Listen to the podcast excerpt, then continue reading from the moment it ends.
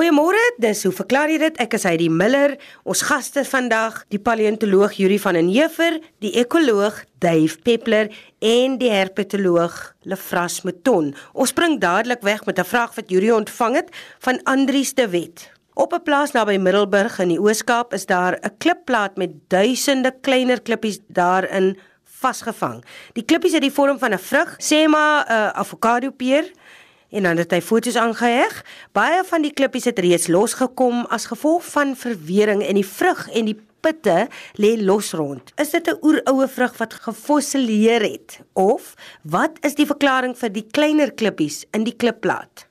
Goeiemôre almal. Andries, ja, dit is nou die tweede deel van jou vraag wat na 'n lang tyd beantwoord word, maar ek het regtig nie met die eerste brief die fotos ontvang nie. Dit wat jy beskryf lyk vir my na bekende verskynsel in die Karoo, te wete konkresies. Uh, Mense skryf verskillende soorte konkresies in die Karoo. Konkresies is uh, as mense hulle nou sien lyk soos harde klipballetjies. Dit word gevorm in sedimentêre rotse, met ander woorde sandstene of modderstene. Die materiaal word deur water aangespoel.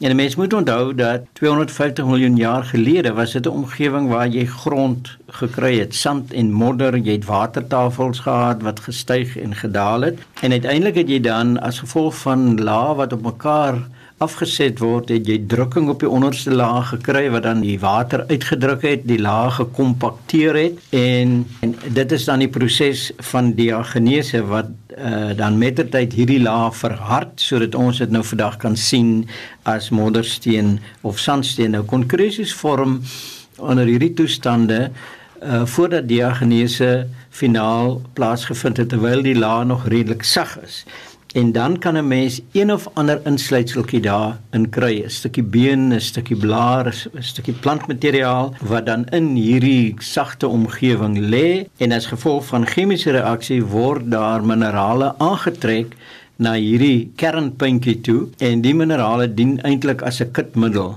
En dit vorm konsentriese lae rondom hierdie klein kern aan die binnekant. En dan so verhard dit. Dit bly as hierdie harde konkresie in die sediment in en dan wanneer die sediment verhard en miskien oor miljoene jare begin verweer, dan val hierdie ronde konkresies uit en lê oral rond. Nou mense kry verskillende soorte konkresies. As jy daar uh, onderkant Vryseberg in die ou kloof pas en daar rond uh, krap in daai blou-groen uh, modderstene, dan kry mense 'n ander soort konkresie wat ons altyd 'n septariese knol noem. Nou dit is konkresies wat vorm Gewoonlik is daar dan 'n vorm van ontwatering en jy kry barse binne-in en dit lyk asof die die barse van die binnekant af na die buitekant toe beweeg van die knol en in die binneste gedeeltes is breër en groter so dit lyk of dit is waar dit sagter gewees het. En dan dikwels kan hierdie barse ingevul word met 'n mineraal soos kalsiet en dat jy nou hierdie ronde klip met die are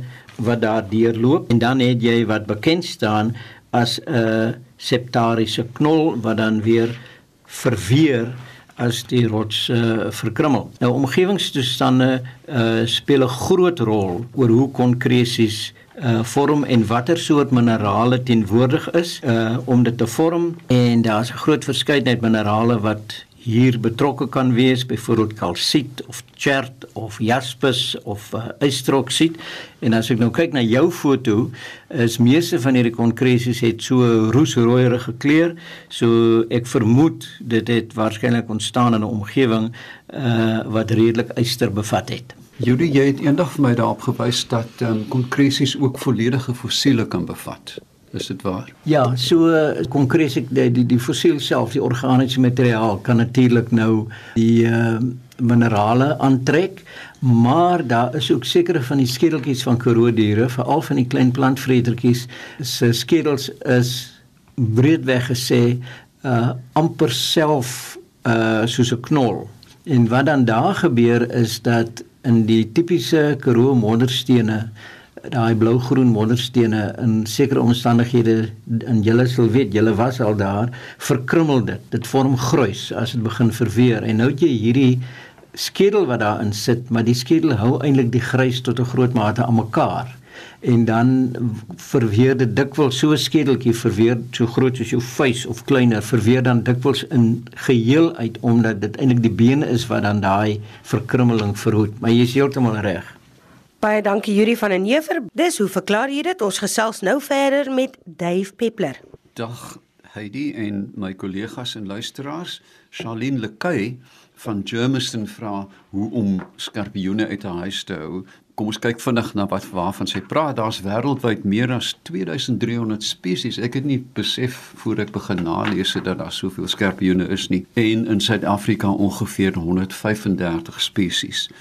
Hulle is um, geneig om geheimsinnige diere te wees wat eintlik maar net in die nag uitkom en in die orde van 92 tot 95% van hulle tyd is hulle totaal onaktief lê onder 'n klip lê in 'n gaatjie. Hulle is werklik baie lui diere en kan gevolglik as gevolg van hierdie verlaagde metabolisme tot 'n jaar sonder enige kos gaan. Hulle kan baie lank oorleef. Die kleinste wat ons het in Suid-Afrika is so 20 mm lank piepklein goedjies daar in Natal het ek hulle gekry in piesangbome um, en die grootes wat netlik skrikwekkende diere is parabotus tot 210 mm, dis 20 cm, dis 'n groot skorpioen. Ons het in vroeëre programme gepraat oor hoe oud diere primitiewe diere kan word. Hulle leef gewoonlik so in die orde van uh 2 tot 10 jaar en in gevangenskap kan hulle tot 30 jaar. So as hy een onder jou yskas bly, kan hy 30 jaar daar bly. Hulle het 'n besondere lang inkubasietyd of broeityd uh, in die orde van 2 tot 18 maande voor die klein baie baie lank. Maar uh, die kleintjies word dan lewend gebore en die ouers, die ma is dan uh,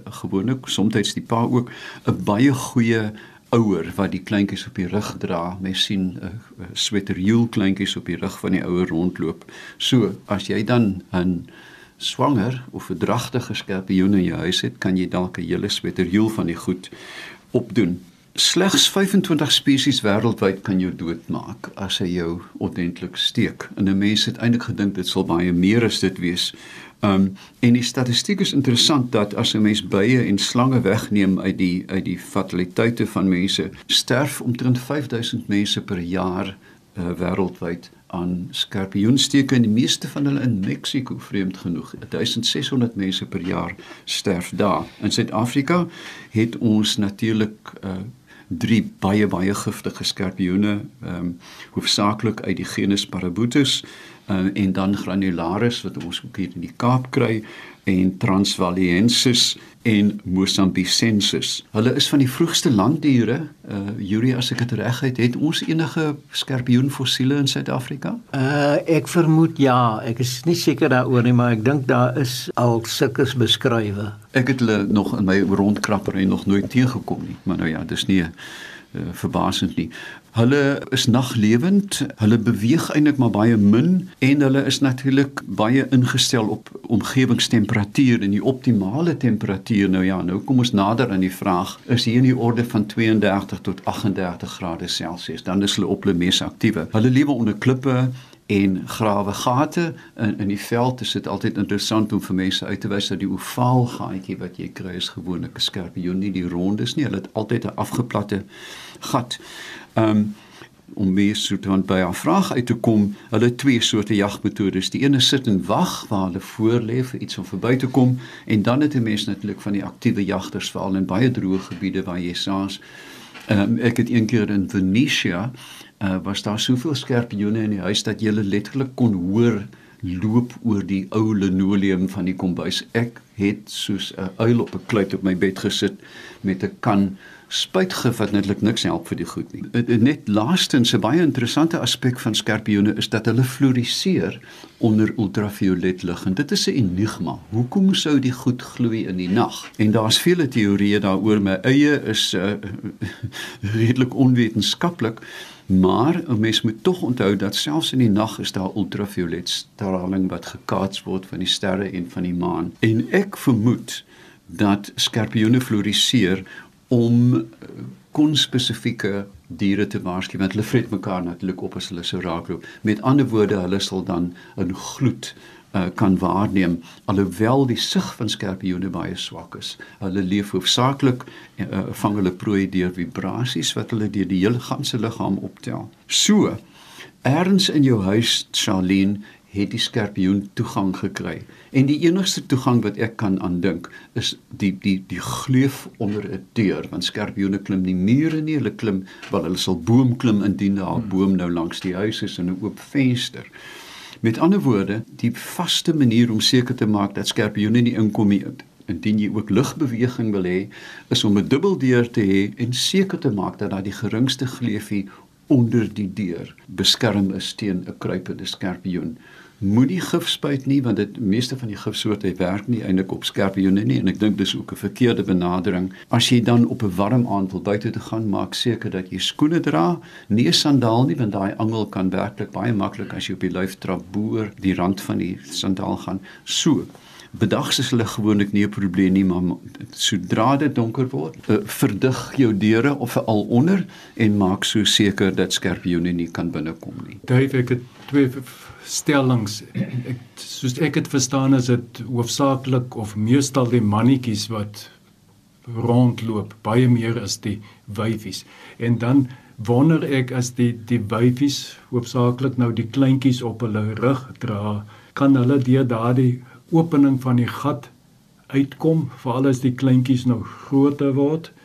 Ek kan nou net dink dat dat die kleintjies afge afgekrap word as die wyfie so uitkom. Is dit nie dat die wyfie eintlik daai tyd binne bly bly in die nes tot die die kleintjies gegroei het want kyk jy ek weet die kleintjies het genoeg voedsel ontvang in die eiers dat hulle hulle hele groeiproses kan voltooi son om te eet. Ek het werklik nie die vaagste idee nie, Lefras. Ek dink jy's reg dat hulle baie lank dan saam met die ma uh die weet staties kan bly en nie rondloop nie. Maar ek is ook nie uh op datum met die met die broeiseisoen nie. Ek dink dit is ook maar temperatuur gekoppel. Indien daar voedsel is en die temperatuur is hoog genoeg, sal hulle soos baie ander spesies aanhou broei. Daar's nie dit's nie 'n vaste seisonaliteit nie. Indien jy in die omgewing woon waar koeries of meerkatte voorkom, sal 'n koerie in die huis geen skorpioen verduur nie. Baie dankie Dave Peppler. Ons gesels nou verder met Lefras Meton. Daar's 'n vraag van James Daly van George. Hoenderhande het 'n spoor onderaan elke been. Waar kom dit vandaan? Ander voëls het dit nie. Is dit dalk die 5de toon wat behoue gebly het terwyl by ander voëls die 5de toon verlore gegaan het en daar nou net 4 tone is? Ja, dankie James vir 'n baie interessante vraag. Nou ek dink ons moet net sê spoor verwys nie na voetspore nie, maar dit verwys na die Engelse term spur.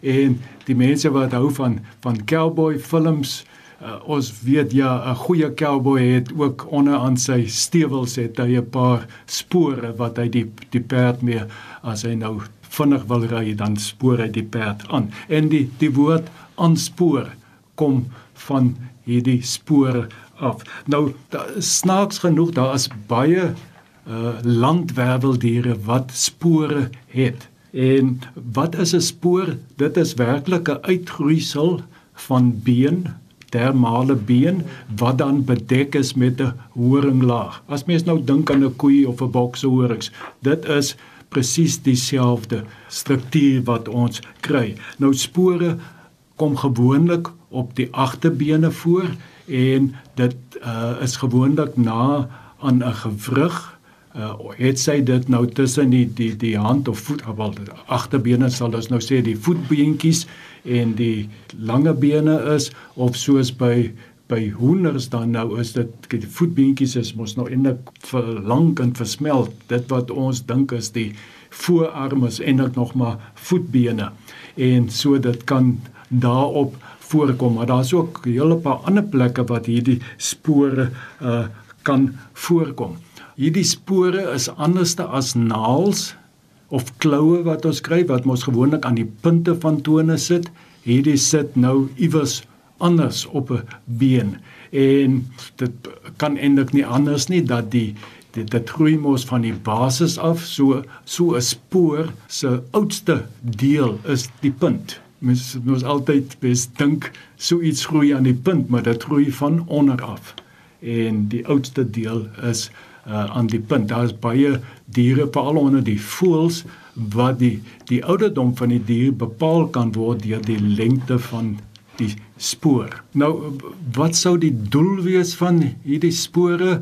Meeste diere is dit die mannetjies wat dit het, so dit gaan oor territorialiteit, bakleierery uh om hulle gebied te beskerm.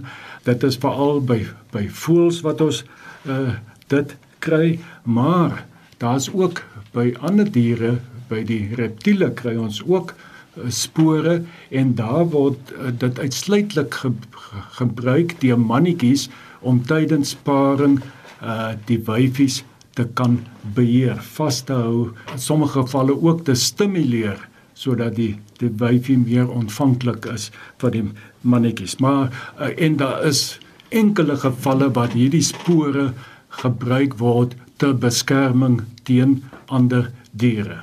So dit is territorialiteit en dan uh, uh voortplanting.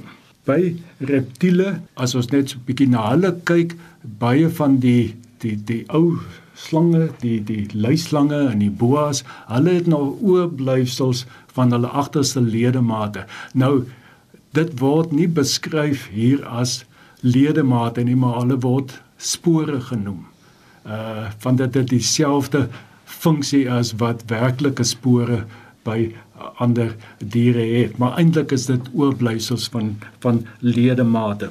Ons weet dat ja, dit word gebruik om om die wyfies te beheer en by die boas het het, het hierdie uitsteeksels die spore het 'n speel 'n baie belangrike rol tydens paring. In sommige spesies word dit krap dit werklik die wyfies by ander kan dit allerlei bewegings uitvoer wat die wyfie stimuleer. En dan by sommige spesies word dit gebruik wanneer daar bakleierery aan die gang is tussen twee spesies. Nou verkleemannetjies snaaks genoeg, daar's 'n hele paar verkleemannetjie spesies wat ook op die agterbene hierdie uitsteeksels het en uh dit word dan ook tydens paring gebruik. En skilpaaie, daar's 'n hele paar van die testudo spesies wat ook spore het, maar hier sit die spore, hierdie beenhoring uitsteeksels sit op die bobeen, die agterbeen. En dan is daar 'n uh, Herman se se skilpad Testudo Hermani het ook so 'n spoor op die punt van sy stert. Nou tot dusver kon hulle nou nog nie uitvind wat nou die funksie van van hierdie hierdie horing agter op die punt van die stert sal sal wees nie. By voëls Ja, ons het nou al reeds die hoene genoem. Die spoor is nogal soms baie groot. Mens kan natuurlik nou allerlei is verskillende rasse van hoenders by sommige baie groot dit vorm eintlik so 'n hoek van 90 grade met die been en dit is so effens na binne gebuig en reguit natuurlik dit is 'n formidable wapen wanneer hulle uh, baklei daar is hele klomp ander voëls wat spore op die agterbene het maar seker vir my die interessantste is daardie voëls wat dan spore op die voorkant van die vlerk het. Uh ek dink die Willem Macau is 'n is 'n bekende een en hierdie spore sal wanneer die voëls verveer uh, word die die spoor ook afgegooi en daar sal weer 'n nuwe een ontwikkel. By die reptiele en die ander diere is dit natuurlik nie die geval nie. Daardie spoor bly permanent daar die um, die Engelse naam natuurlik is spur-winged goose en mens vind dit ook by heelwat van die genus uh, Vanellus by die kiwite wat ook hierdie vlerk uh spore het. Jy gaan seker nog oor die soogdiere ook praat, maar een wat ek nou wel aan kan dink is daai uh Australiese eendbekdier Ornithorhynchus wat 'n gifspoor aan die agterbeen het. Uh daar's 'n gifklier en ja, dit is daaraan gekoppel en dan is daar nog 'n ander interessante een van die ek sê dit nou maar eers in Engels die nail-tail wallaby. Uh dit is een van die kangaroos wat dan ook op die punt van sy stert so 'n uh, 'n spoor het. Nou kangaroos weet ons al dat hy stert kan seker uh lekker in gevegte uh, gebruik word. Dan is daar nog 'n soogdier, die die ringstert lemur. Hy het hier op sy voorarm ook so 'n spoor en dit gebruik hulle om gleuwe te krap in takke waarin hulle dan hulle feromone afskei. So hulle merk die takke. So al die voorbeelde wat ons genoem het, sê vir jou dadelik dat dit is nie 'n homoloë struktuur nie. Dit het niks met mekaar te doen op verskillende tye op op verskillende plekke ontwikkel en ek dink in die algemene die genetiese samestelling van landwerweldiere laat dit toe. Dit is daar dat dit kan gebeur. Op dit die vraag was is dit nou 'n vyfde toon van voëls wat behoue gebly het by by die voëls wat dit het? Nee, want dit kom ook by ander diere voor en ons weet dat voëls kom uit die dinosourusse uit 'n groep wat al klaar reeds net 4 tone gehad het. Ja, Daar's geen voël wat lewe of gelewe het wat 5 tone het nie. Daar's wel by baie groepe het daar reduksie in die aantal tone plaasgevind. Daar's vandag voëls wat net 3 tone het en dan is daar soos die volstruis wat net 2 tone het. So ja, interessant uh die hele storie van spore. Dit was jou Sondagprogram. Hoe verklaar jy dit? Ons kenners vandag ons sê baie dankie aan Dave Peppler aan Yuri van den Heever en Lefras Mouton. Ons bedank ook net telematiese dienste waar vandag se opname plaasgevind het aan die Universiteit van Stellenbosch. Ons gesels aanstaande week verder.